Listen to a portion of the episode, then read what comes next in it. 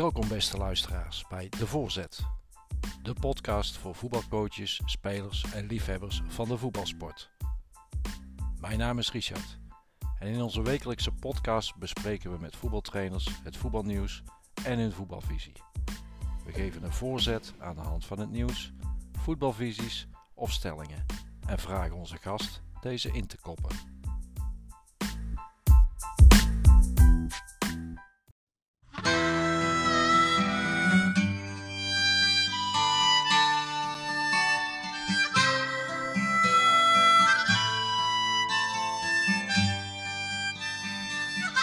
De voorzet André Royakkers.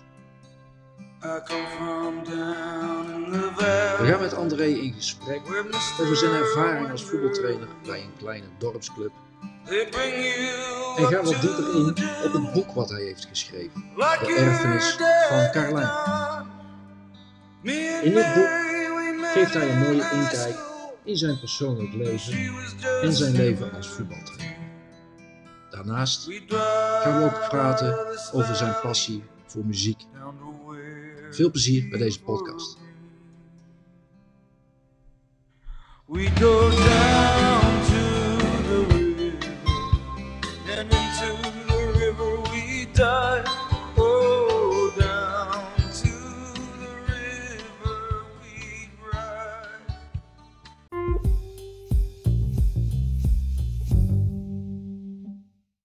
Vandaag in de voorzet uh, Dre Rooijakers, een levensgenieter. Ja, absoluut, absoluut. En, een held op de achtergrond, uh, zoals ik jou altijd heb ervaren. Een held is een, uh, ja, is een dan heel erg beladen woord, vind ik zelf. Dus ja? ik ben inderdaad een levensgenieter die probeert, met name in de muziek, in het ja. voetbal en in het schrijven, probeer ik wel mijn dromen een beetje na te jagen. En lukt dat? Dat lukt steeds beter, moet ik eerlijk, eerlijk ja? zeggen. Ja, ja inderdaad. Ja. Uh, ik heb, uh, schrijven heb ik uh, heel lang op een laag pitje gezet. En daar ben ik twee jaar geleden, 13 september 2019, heb ik mijn eerste roman uitgebracht, De Erfenis van Carlijn. Ja, gaan we het zo meteen nog even wat uitvoerig over hebben. Sindsdien heb ik de smaak te pakken wat schrijven betreft. Komt deel, komt deel 2 uit? Deel 2 Hebben we een primeur? Is, uh, deel 2 is, uh, is nog een vraagteken. Ja. Ik, uh, het eerste project waar ik op momenteel mee bezig ben is een verhalenbundel. Oké. Okay. En dan verwacht ik dat dat uitkomt 2023. Oké. Okay. In het voorjaar. En de werktitel is Vlinders, wat vlieg je mooi. Vlinders, wat vlieg je vrij. Kijk, dat zijn de mooie titels. Ja, voor de luisteraars, uh, ik, ken, uh, ik ken Dre al, uh, al een aantal jaren. We hebben, ja, denk ruim vier jaar met elkaar samengewerkt bij EDN 56. En ehm, ja, dat was natuurlijk een fantastische tijd. We hebben daar wel wat succes behaald. een ik heb thuis, toen ik naar hier toe kwam, ehm, ik deed mijn motorpak aan thuis en dan moet ik altijd mijn handschoenen pakken.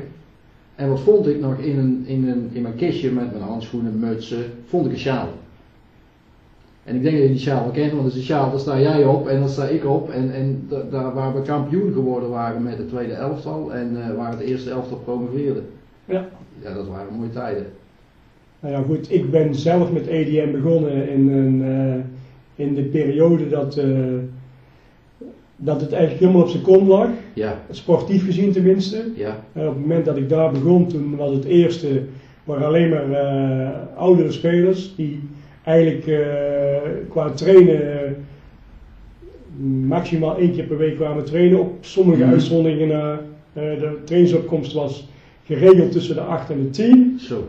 Dus dan hebben we samen met de voorzitter Jo van Dorst hebben we een drie jaar plan gemaakt. Ja. Want ik wist dat er in de B-jeugd een hele talentvolle lichting zat. Ja. Dus die hebben we de eerste jaar hebben we die gewoon in de B-jeugd gelaten. die waren onder leiding van, van Chris van Dorst, waar ik ook gewoon heel lang mee samengewerkt mm. heb. En dat is ook een geweldige trainer. Mm. En toen heb ik dus met Jo van Dorst een uh, drie jaren plan gemaakt. Het eerste jaar is het gewoon, was het gewoon doorkomen. Uh, gewoon uh, niet moeilijk doen, het elftal gewoon intact laten, kijken, waarop, kijken wat op ons pad kwam. Toen moesten we ook heel vaak na de training op donderdag moesten we gewoon de 11e, 12e, 13e, 14e man ja. moesten we nog Want toen was het nog gewoon bellen, het was het niet appen. toen Nee, het dat was nog gewoon in de tijd van het bellen en Bellen tot 12 uur half 1 Zo. om 14 mensen op papier te kunnen krijgen. En eh, nou, dat was een heel leerzame periode. Maar natuurlijk ook, eh, ja, ook een, eh, sportief gezien was dat dus natuurlijk niet, niet, niet top. Nee, nee. Maar het tweede jaar zouden de jongens van de B-jeugd erbij komen. Dus konden we vanaf, vanaf het eerste moment gaan bouwen. Konden we ook voor, het- voor de eerste keer met 20, 22 mensen gaan trainen. En het tweede jaar werden we al eh zevendes. Eh, toen hadden we voor het eerst in de, sinds heel lange tijd hadden we een positief doelsaldo. Het doelsaldo was eerst altijd vrij negatief en nu was het voor de eerste keer dat we meer goals voor hadden als Ja, tegen. Ja, En het derde seizoen zijn we op twee punten na geen kampioen geworden. En toen wonnen we in, eh, na de winterstop wonnen we echt alles. We wonnen van Tuldehania, we wonnen van Spoorloogse Boys. Mhm. En echt met cijfers van 4-1, 5-1. Dus Ja. toen draaide het als een trein. Toen zijn we in de nacompetitie zijn we gestuurd op een elftal wat twee eh, ex-betaald voetballers had. ja. En die maakten het verschil. Anders waren Welke we club was dat? Welke club was dat? Zoelen. Zoelen. kwamen uit Zoelen. Oké, oké. En die hadden twee spelers van de Treffers erin staan. En die maakten eh, van de acht goals die we daar eh, hebben geïncasseerd, maakten we zeven goals. Zo. Dus we waren, we waren gewoon niet minder, we waren zelfs beter dan hun. En we waren als team waren we sowieso beter. Alleen eh, dat heeft ons toen Ja.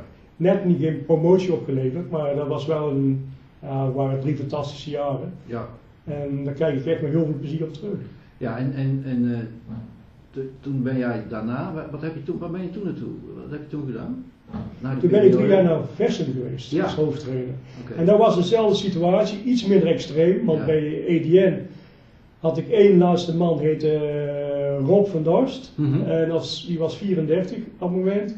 Als die niet meespeelde, had ik een gemiddelde leeftijd onder de 19 jaar bij EDN. Zo. Dus het was een veredeld A1 elftal. Ja, ja. En bij Versen was het een gemiddelde leeftijd net boven de 20, maar daar heb ik ook, denk 7 of 8, misschien wel 9 jongens, die ook pas 17 of 18 waren, in het eerste elftal laten Mhm. debuteren. Mhm. En hebben we in die drie jaar tijd hebben we de elftal opgebouwd. En die, ja, dat was gewoon een heel, eh, Ja. voor zowel Versum als voor mij ook weer een heel leerzame periode. Dus daar ligt me gewoon heel goed om een elftal op te bouwen. Niet een elftal wat er al staat, Nee, en waar je eigenlijk niet, veel meer aan, niet zoveel meer aan kan sleutelen. ja. Ik heb liever een elftal waar je vanaf de grond op moet bouwen. Versum draait nu in, eh, boven in de vierde klasse mee. En die zijn kandidaat om zelfs richting de derde klasse te Ja. promoveren. Dus, en daarvan, in dat elftal staan er nog zeker vijf, zes of zeven spelers die, daar, eh, die toen onder mij begonnen zijn. ja. Dus dat is wel Ja. eh, leuk om mee te maken. Ja. ja, en wij hebben natuurlijk zelf, wij, hebben samen vier jaar met elkaar samengewerkt, vier seizoenen EDN, waarbij jij natuurlijk de scepters waaide over het tweede elftal en, en ook mij als steun en toeverlaat eh, richting, richting eh, de, de groep. Eh, ik heb dat altijd als heel prettig ervaren, ook omdat jij natuurlijk ins en outs van de club goed kende. En de cultuur van de club en, en ook alles wat daar omheen zit. Dat heb ik zelf heel erg als prettig ervaren. Ik heb zelf, mijn, mijn, mijn fi- filosofie als trainer is gewoon dat je zelf gewoon als trainer niet bang moet zijn om daar een sterke man neer te zetten. Die zelf ook eh, bepaalde ideeën heeft en die ook bepaalde denkwijze heeft. En veel trainers die hebben liever iemand eh, langs zich zitten die alleen al, alles, alle Mhm. zaken regelt, eh Ja. eromheen zal ik maar zeggen. Maar ik, ben, ik heb zelf altijd heel veel, eh, ook zelf ook altijd heel veel behoefte gehad. Ik heb zelf bijvoorbeeld gewerkt met Chris van Dorst. Ja, En ik heb zelf bij de Beerse Boys met Jasper van Hoofd gewerkt. Ja. Dat zijn gewoon mensen die hebben gewoon een eigen inbreng. Die zeggen op de goede momenten, zeggen, eh, zeggen die wat, eh, hoe hun erover denken. Of wat er anders kan, of wat er beter zou kunnen. Ja. En die wisselwerking, dat vind ik gewoon perfect. En ik zou er, eh, dat zou ik altijd eh, wel kunnen adviseren om bij andere trainers ook te Ja, laten nou, doen. ik vond het zelf altijd heel prettig om met jou te sparren over, over de groep en over eh, hoe, hoe, hoe denk jij erover, Dre. En dan zaten we vaak na de training nog eh, even in de kleedkamer. En Ja. en, eh, en daarna, daarna gingen we de kantine in en dan eh, pakten we nog een, eh, een Was shotje. En dan kregen we Beautiful Noise die Neil Diamond. Ja, Ja, en, Ja. ja. dat was heel hartstikke mooi. ja, Maar ik bedoel eigenlijk te zeggen, ja, je moet, als je daaraan begint, dan moet je die, dan moet je die trainer ook de ruimte geven. Je moet duidelijke afspraken maken. Dat is, dat is Ja. gewoon helder. Maar je moet duidelijke afspraken maken. En je moet ook gewoon, als je dan, als je dan bepaalde dingen zegt, dan moet je die daar dan ook gewoon iets mee doen. En als je dan gewoon zegt van ja, ik, ik hoor het aan, maar ik doe er verder niks mee, ja, dan, eh, Ja. dan wordt die samenwerking automatisch denk ik wel wat stroever en wat minder. Ja. Dus je moet je, daar moet je denk ik niet heel erg bang voor zijn. Nee. Dan moet je juist zien als een plus, als een, als een Ik heb, het, ik, heb het, ik heb het altijd gezien als een toegevoegde waarde. Laat dat Ja. even vooropstellen. En eh, ja, dat heeft natuurlijk ook geresulteerd in een samenwerking van bijna vier, eh, vier seizoenen. Ik wil even een fragmentje laten horen.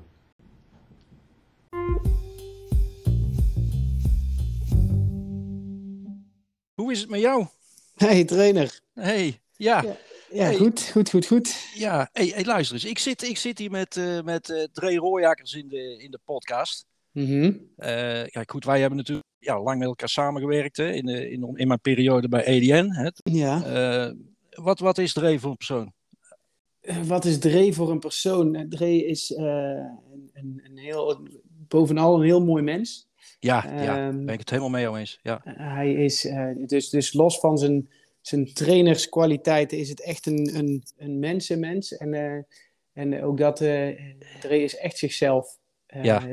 in, in alles wat hij, wat hij doet. Ehm, en, en daarin, ook als trainer bij EDN, was hij ook echt, echt zichzelf. Mhm, ja. mhm. Fantastische man om mee te mogen trainen, persoonlijk. ja, ja, ja ik, ik, ik onderstreep dat volledig. Hè. Ik onderstreep dat volledig. Wat, eh, wat maakte hem nou zo uniek? En wat maakt Dre uniek? Dre is, is, is wars van, van alles en iedereen wat eh, alles en iedereen vindt. Dus ik denk dat dat, dat hem eh, eigenlijk zou, hoe Dre in het leven staat, zou, zou een ieder in het leven moeten staan. Dus, dus gewoon het stukje ben maar gewoon jezelf, dan, dan doe je al gek genoeg. Of ben maar gewoon jezelf, want je bent Ja. de beste versie van jezelf. Ja, Ik denk dat dat Dre echt eh, typeert. Ehm, Ja. eh, en los van het, hoe ontzettend sociaal hij is en voor iedereen altijd klaar staat, altijd vriendelijk is, vrolijk Ja. is, veel onthoudt, veel vraagt. Ja, dat maakt hem eh, helaas uniek, want het zou mooi zijn als er veel meer mensen zoals Ja. Dre eh, zouden zijn. Ik ben het helemaal mee eens voor je. En het zijn ook hele mooie woorden, want ik onderstreep het volledig. Ehm, En, en ben, eh, ben een aantal weken, ma ja, ik denk al zelfs al maanden geleden, heb ik, eh, ben ik in zijn boek aan het lezen geweest. Mhm. Eh, nou ja, daar komen ook een aantal dingen naar voren dat ik denk van ja, dat kan zomaar bij EDN gebeurd zijn. nou, Hè?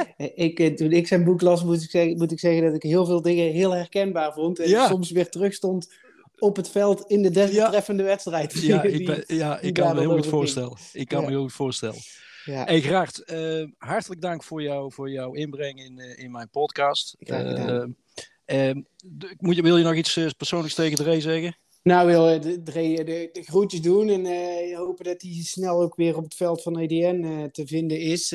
langs het veld of op het veld of in de kantine lekker aan een, eerst aan een kassus en een spaatje blauw en daarna toch wel aan een Brugse zot. Ja, want Ja, goed. daar houdt hij ook van. Dus eh Dre, het gaat je goed. Veel plezier nog met Richard. dankjewel Graart. Joe. Spreek je. Dank je. Doei doei. doei, doei. doei.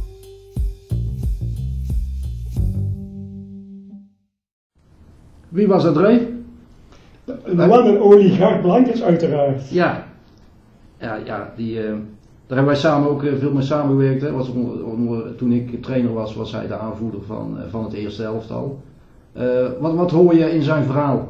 Wat, wat, als je dat beluistert, wat doet dat met jou?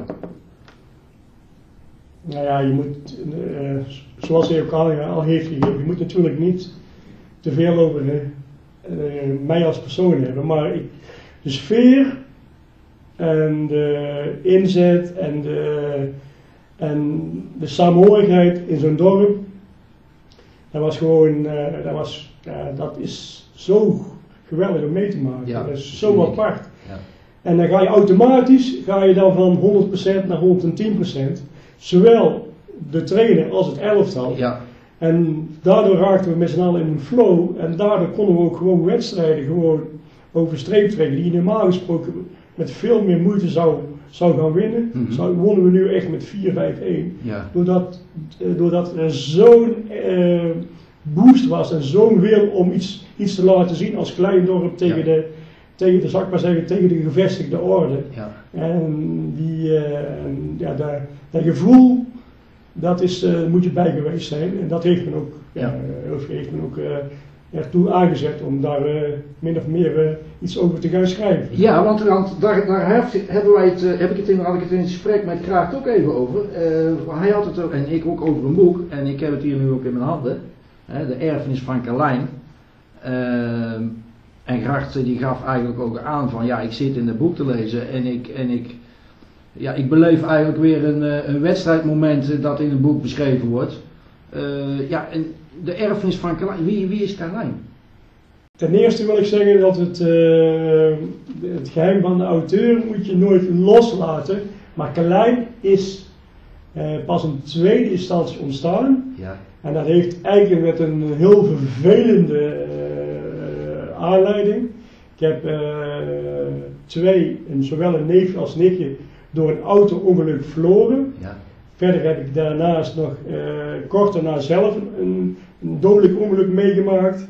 En daar heeft me toe aangezet om, om eh, het boek in deze vorm ja, ja te gaan schrijven. Oké, dus, dus het, het heeft wel raakvlakken met jouw persoonlijk leven, maar het is niet helemaal autobiografisch. Het is niet Nee, autobiografisch. nee.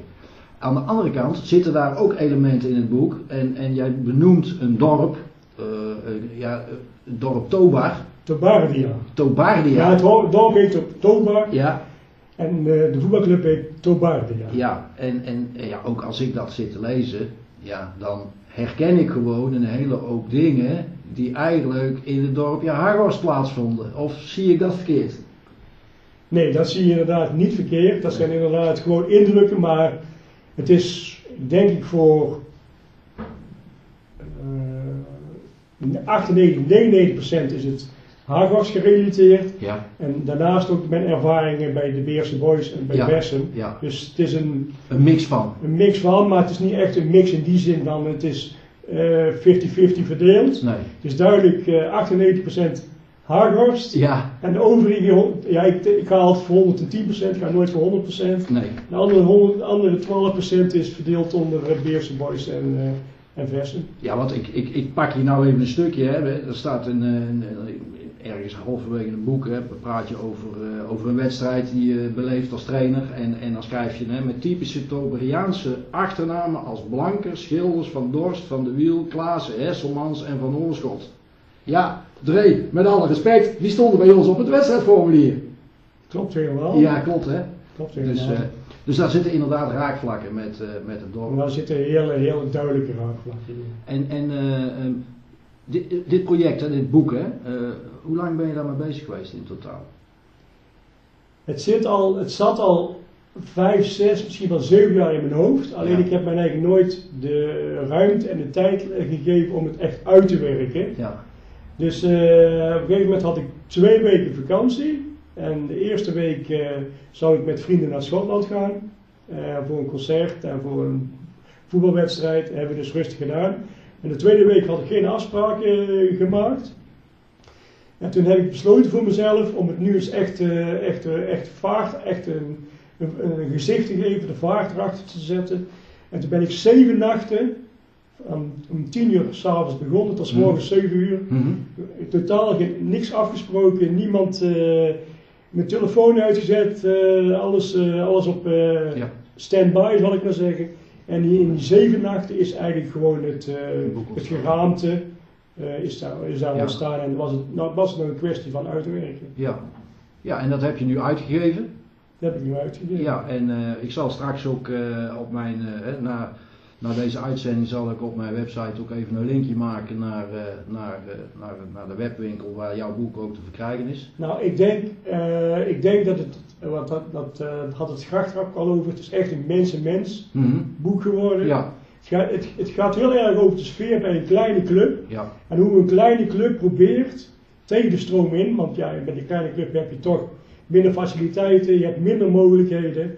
Hoe een kleine club toch probeert eh, heel trots en heel, heel, want het sportpark van de Hagos heet de Haan, zal Ja. ik maar zeggen, de fierheid van de Haan, ja, om die toch eh, daar gestalte te geven door, eh, door met z'n allen gewoon er 110% achter Ja. te gaan staan.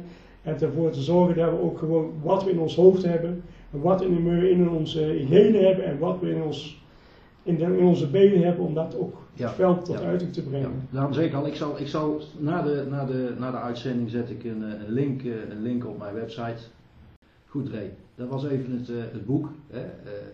Nogmaals, het is een aanrader. Eh, ik denk met name eh, ook wat jij zegt om te kijken van hoe, wat is de sfeer binnen, binnen een kleine club, binnen een klein dorp. Maar ook het, het verhaal erachter. Eh, Maar daar wil ik nog één ding aan toevoegen. ja, mensen die denken van ik moet het boek alleen aanschaffen als ik liefhebber ben van de, van de voetbalsport. Dat is absoluut Nee, nee. niet het geval. Het Nee, want, vooral- dat, want dat is een mooi bruggetje. Dit is een mooi bruggetje, want het is namelijk niet alleen voetbal. Want daar komt ook iets ander aspect wat jouw leven beheerst. Of beheerst, wat jouw leven, eh, eh, waar je van geniet, dat is muziek. Dus ook daar wordt in het boek heel veel naar verwezen, naar muziek en, en hoe je muziek eh, eh, beleeft. Eh, en dat is een mooi bruggetje, want ik wil even met jou samen naar, een ander fragment gaan luisteren. Eh, dus, dus daar komen we vanuit daaruit, pakken we dat bruggetje richting de muziek. Thank you.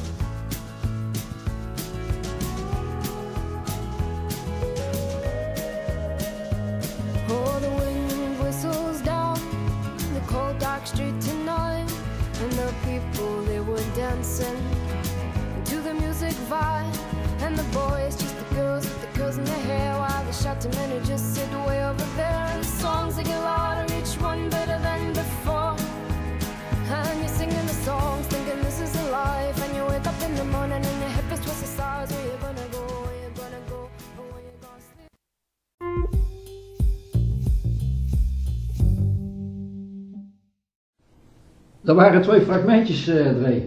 Eh, wie hoorden wij? Ja, dat hoeven ze niet te zeggen toch? Ieder, de luisteraars weten toch al wie het waren. Ja, natuurlijk, eh, natuurlijk eh, weet iedereen dat denk ik, maar eh, voor de duidelijkheid, dat waren Ross Stewart, geboren in Londen, maar een echte schot van, eh, van, eh, van natuur, en Amy McDonald, en die komt toevallig ook uit, eh, uit Schotland. Ja, en, en, en dit zijn toch twee, twee artiesten, want ook eh, pak ik toch even weer de boeken bij, want we hebben het net over het boek gehad, hè, de erfenis van Carlijn, en daar worden Rod Stewart en Amy McDonald ook met name benoemd en beschreven. Dat zijn concerten geweest waar ik zelf eh, bij aanwezig ben geweest. Ja. En daar heb ik beschreven, bij bij Amy McDonald heb ik dan beschreven wat er dan zowel gebeurt vanaf het begin tot het einde van het concert. En hoe je in een bepaalde magische sfeer mee wordt genomen. Ja. Want concert is misschien wel het aller, aller, allerleukste op de wereld wat er is. Want dan ga je gewoon, eh, je laat je eigenlijk meeslepen met, een, eh, met de muziek. Je, ziet mensen dansen, feesten, lachen, brullen gekke dingen doen. eh, ja, dat is gewoon echt een, eh, een, een, een feest eh, op Ja, zich. Want muziek, muziek is wel jouw, eh, jouw ding, hè? Het eerste wat ik doe is altijd, eh, als ik thuis kom van mijn werk, is muziek opzetten. Ja. Op het eh, werk zet ik zelf altijd de muziek aan. Eh, als ik eh, gewoon hele drukke dagen heb gehad en ik ben echt gewoon 11, 12 uur met van alles en nog wat bezig geweest, dan ga ik vervolgens ga ik, een koptelefoon opzetten, dan zet ik wat plaatjes op en dan ga ik lekker anderhalf uur ga ik gewoon nou, een droomwereld, hè, mijn eigenste droomwereld. Ja, eh, En, en, en naar buiten, buiten Rod Stewart, hè, want dat weet ik, hè, daar ben je een groot, een groot liefhebber en fan van. Ehm, maar volgens mij is er ook nog een andere artiest die jij eh, hoog hebt zitten. Ik heb eh, zelf, omdat ik uit, uit mijn, uit mijn eh, eh, levenservaring, zal ik maar zeggen, eh, ben ik eh, echt een eh, heel erg liefhebber van Pearl Jam, maar Ja. zeker ook van Bruce Springsteen. En Ja. Bruce Springsteen heb ik vier of vijf keer live gezien en dat is wel de, Hij heet met zijn bijnaam ook De Bos en dat is niet voor niks, want Ja. de meeste artiesten houden het na 2,5 uur voor gezien. Mhm. Dus die brengen wel een geweldig concert, maar die hebben na 2,5 uur is, het, is de koek op. Ja. En hij gaat, knalt gewoon 3,5 uur door. En, en dat gaat in zo'n volle vaart en met zo'n passie en met ja. zo'n energie. Dat is echt geweldig om mee te Heb je, heb je, kijk, nu, nu in deze periode is het naar concert gaan eh, allemaal een beetje op, op, staat eigenlijk op een laag pitje, aan een laag pitje, het staat gewoon op nul. Eh, zijn, er nog wel plannen voor jou om eh, binnenkort weer naar concerten te gaan? Wat, of wat zit er nog in de pen? God zegen die greep. Dat is niet te voorspellen natuurlijk, maar ja, ik weet van mijn eigen wel dat het enorm is. Echt gewoon, dat is echt, Ja. dat is echt ballen, ballen, ballen met, met 84 hoofdletters. Ja. Maar als, eh, als een Amy McDonald of een Rod Stewart of een Bruce Springsteen hier in de buurt komen, dan, dan ben ik er absoluut bij. Ja, ja, ja. Dat was even de muziek erin. Ehm, en, en ik wil toch even weer terug naar eh, ook een stukje voetbal. Toch weer even terugpakken. Ehm, hè, we hebben in het begin van ons gesprek, hadden we het al over, hè, we hebben samen eh, veel met elkaar samengewerkt. En als we kijken naar, naar de visie van voetballen en hoe je, hoe je de formatie op het veld neerzet, heb jij mij in, in die afgelopen, in die jaren dat wij samengewerkt hebben, eh, kwam jij op een gegeven moment met het eh, feit van, Richard, zei jij, je moet een overtal hebben op het middenveld. En toen, eh, ja, daar hebben we toen heel veel over gesproken, want jij bent een groot voorstander van een vijfmans middenveld. Toch? Nou, dat kan op allerlei manieren natuurlijk. Ja. Maar het is wel heel belangrijk dat je het middenveld in handen hebt. Want dan kan je zowel het tempo als de situatie in de- die er in de wedstrijd zich voordoen, kan je gaan bepalen. Ja. Als je het middenveld niet in handen hebt, dan loop je achter de feiten aan. Dan kan je ook niet het ritme van de wedstrijd bepalen. Dan kan je ook niet zeggen, we gaan nu echt gewoon volle bak druk zetten. Of we gaan juist, eh, we gaan juist even een paar minuten wat, wat meer inzakken. Moment dat je het middenveld in handen hebt. En van daaruit kan je gewoon schakelen naar heel verdedigend of heel aanvallend voetbal. Ja. En, en, en wij hebben toen hè, samen heel vaak in de kleedkamer gezeten van hoe kun je daar dan invulling aan geven. Hè? Eh, en, eh, eh, hoe zou jij daar, hè, als je nu kijkt naar, ja, je bent toevallig, eh, je gaf net aan, ik ben nog de laatste wedstrijd geweest te kijken bij EDN. In, de- in de hedendaagse voetbal, hoe zou jij dat nu vormgeven? Het hangt, dat hangt echt helemaal af van de kwaliteit die je in je, in je Mhm. team hebt zitten. Ja. Kijk, als, je met, eh, als we met vijf mensen op het middenveld moet voetballen, dan moet je aan de zijkanten achterin moet je echt heel veel snelheid hebben. Ja. Dat, is, dat is gewoon een voorwaarde. Dus eh, als je geen snelheid hebt op de linksback en de rechtsback positie, ja. want daar vallen natuurlijk Maar, dan, maar wil je dan met één spits spelen of met twee? Dan speel je in principe, speel je in principe met een hele diepe spits. Ja. Een hele diepe spits. En twee spitsen die, daar, die we dan van, heel veel van positie wisselen. Ja. Ja, en hoe, en hoe komt dat dan? Want je geeft net aan van moesten mensen aan de zijkant, achterin, of linksback en rechtsback. Zijn dat dan backs of zijn dat dan middenvelders? In jouw, eh, De vijf middenvelders en de twee backs, en met name de twee middenvelders aan de zijkant en de twee backs zijn inwisselbaar. Die Ja. moeten dus continu, die wisselen continu van ja, positie. Ja.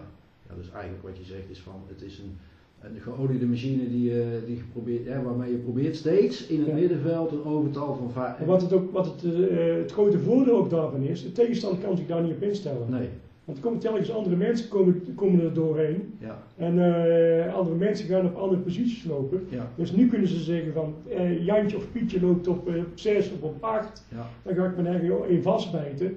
Maar nu komt z- zakt gewoon in. En dan komt er, vervolgens komt er eh, een heel andere eh, speler komt, eh, komt ja, komt opstomen. Ja, opstomen. Ja, ja.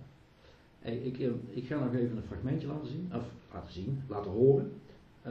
En, en dan wil ik zo meteen ook met jou even over, over doorfilosoferen, over dat fragmentje. Ik kan u wel verklappen, het fragment heeft voor mij, eh, als, ik het, als ik het hoor, eh, dan geeft dat mij altijd weer een bepaald blij gevoel. Zal ik het dan allemaal even zo zeggen?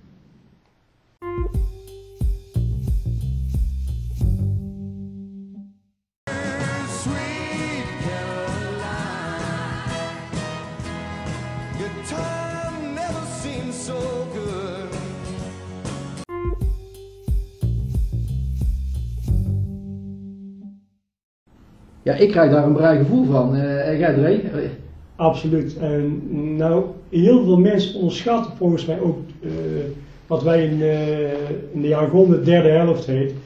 Weet je wat er in de derde helft gebeurt? In de derde helft leer je mensen eh, veel beter kennen. Ja? Wat, ze, wat hun, eh, hun dromen zijn, waar ze zich mee bezighouden. eh waar, eh, waarmee ze studeren, waarmee ze werken. Dan leer je mensen en hun achtergrond veel beter eh, kennen. Je leert eh, hun, eh, hun, hun mooie dingen, maar ook hun minder mooie dingen kom je achter. En van daaruit kun je als trainer kan je veel beter individueel met een bepaalde speler gaan werken. Want je weet gewoon dan veel beter van oké, dat leeft er bij die jongen. Eén keer moet je dan gewoon, eh, moet je dan gewoon eh, daar wat meer troostende woorden Mhm. aan besteden. De andere keer moet je juist wat harder zijn. Je leert ook mensen kennen van qua hoe dat ze echt gewoon in het leven, hoe dat ze in het leven staan. Ook daar heb je weer, denk ik, eh, heel erg, kan je heel erg je voordeel mee doen. Plus, eh, als je in de derde helft leer je ook de rest van de vereniging kennen. Want het, de vereniging Maar, waar, maar, waarom, maar waarom is dit, dit nummer nou specifiek voor jou de derde helft? Daar ga ik, daar ga ik eh, zo dadelijk op in, maar ik wil eerst even Ja. iets anders nog zeggen.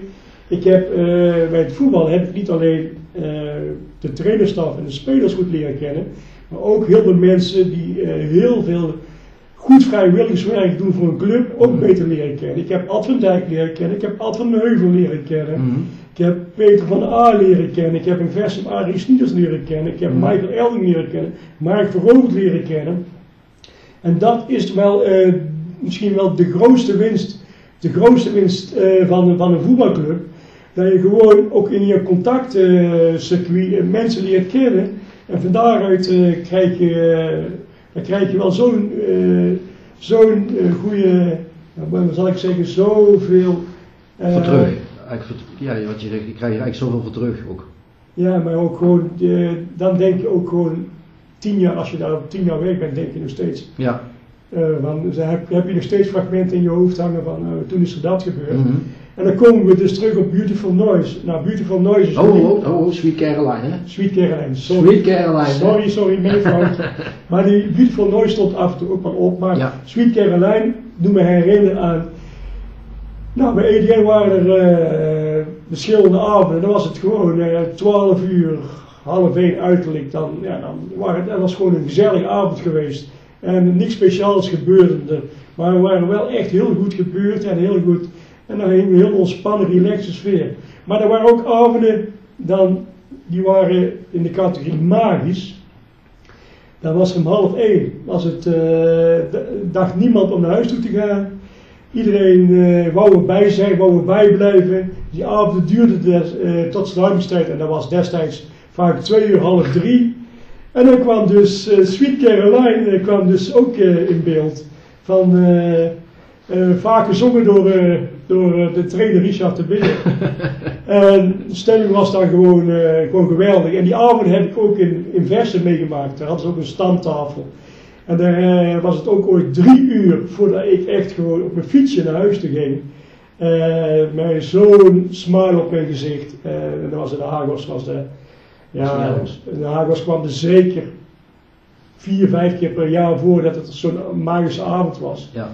En dan, daar kon ik echt al, daar kon ik echt al, eh, daar kon ik nog dagen van genieten. Ja, ik, ik, eh, ik, ik herken het. En eh, ja, dat, dat is wat we nu eigenlijk allemaal wel moet, een beetje moeten missen. En ik hoop dat we dat ook, ook weer binnenkort weer terug gaan krijgen. En ja, Ja, het, is, het, is niet alleen, het is niet alleen een, een sociaal een heel belangrijk ding. Het is ook, ook financieel is het gewoon een, Mhm. een belangrijke post. Als je een kantine hebt die goed draait, waar Ja. mensen, waar mensen eh, bij herhaling eh, komen omdat het daar goed georganiseerd Ja. is en daar, het daar gezellig is en de muziek is goed en de sfeer is goed. En eh, ja, dan... ja, het is ook goed voor de club, hè? dus Dus het is gewoon hartstikke goed. Ja, En dat, dat moet je niet onderschatten, want heel veel clubs hebben toch financieel en het toch vrij lastig. ja, En de kantine en alles wat er omheen wordt georganiseerd, is gewoon een belangrijke, belangrijke poot om zo'n club overeind te kunnen houden. Goed, Ray, we hebben, we hebben gesproken over jou eh, als persoon, als voetbaltrainer, eh, als schrijver, eh, verhalenschrijver. Eh, met name het boek, hè, De Erfenis van Carlijn. Eh, ik, ik wil onze luisteraars oproepen, bestel dit boek. Hè. Het is verkrijgbaar op bol.com. Eh, bij Bookscout is hij te vinden. Eh, het is een, een laagdrempelige prijs. eh, en ik denk dat je dan een, mooi stukje eh, meesterwerk eh, in huis krijgt. Ehm Dre, ik vond het fantastisch fijn dat je bij mij eh, in, de, in de podcast bent geweest. Eh, ik vond het ook weer fijn om met jou weer eens over voetbal en over andere dingen te praten. Eh, wil je nog ergens op terugkomen? Wil je nog iets, iets zeggen aan onze luisteraars? Wil je nog eh, wat we nog niet besproken hebben? Wat we nog niet besproken hebben. Nou goed, eh, ik hoop in 2022 vooral dat de concerten weer op de agenda komen te staan. Want daar mis ik toch wel eh, gigantisch. Ja. Eh, bij de rest wil ik in 2022 eh, meer tijd vrij gaan maken voor, eh, voor eh, een volgend project op eh, schrijversgebied. Maar ik wil vooral, eh, vooral zeggen, eh, eh, amateursport en met name of het nou judo is, of het nou handbal is, of volleybal is, of eh, hockey is, of voetbal is. Een kleine club, daar hangt, eh, daar hangt zoveel omheen. Zoveel mensen uit een dorp hebben daarmee te maken, indirect of direct. Het heeft zoveel impact op een dorp, het, heeft zoveel, eh, het doet zoveel met mensen. En ik roep aan mensen op die, die, die, die hoe ik dat precies zeg, die beleid maken. Ga vooral eens kijken wat daar gebeurt. Ga eens vooral kijken wat daar, wat daar allemaal ontstaat. En zorg ervoor dat die, dat die clubs gewoon overeind blijven in de toekomst als ze Ja. het moeilijk hebben. Ja. Want het is maats- maatschappelijk en sociaal gezien zo'n geweldige eh, ding in, de, in onze maatschappij. Maar eh, het drijft er eigenlijk op. Eigenlijk Ja. is dit gewoon de, de kurk van onze maatschappij. Ja. En dat wordt heel vaak onderschat. En Ja. daar, zou ik, eh, daar zou ik wel echt een pleidooi voor willen doen.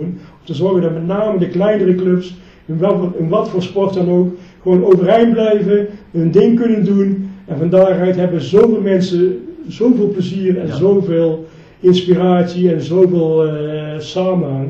Dat is echt, eh, echt iets wat, eh, wat ik op nummer 1 zou zetten als ik minister-president zou worden. Nou, Dre, mooie woorden.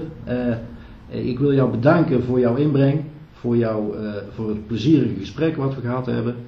We gaan elkaar zien binnenkort weer. Ik hoop langs het voetbalveld weer, eh, dat we een keer samen eh, naar een wedstrijd kunnen gaan kijken. Eh, ik, wil, ik, wil jou, ik wil jou bedanken, Dre, en wij zien elkaar. Perfect.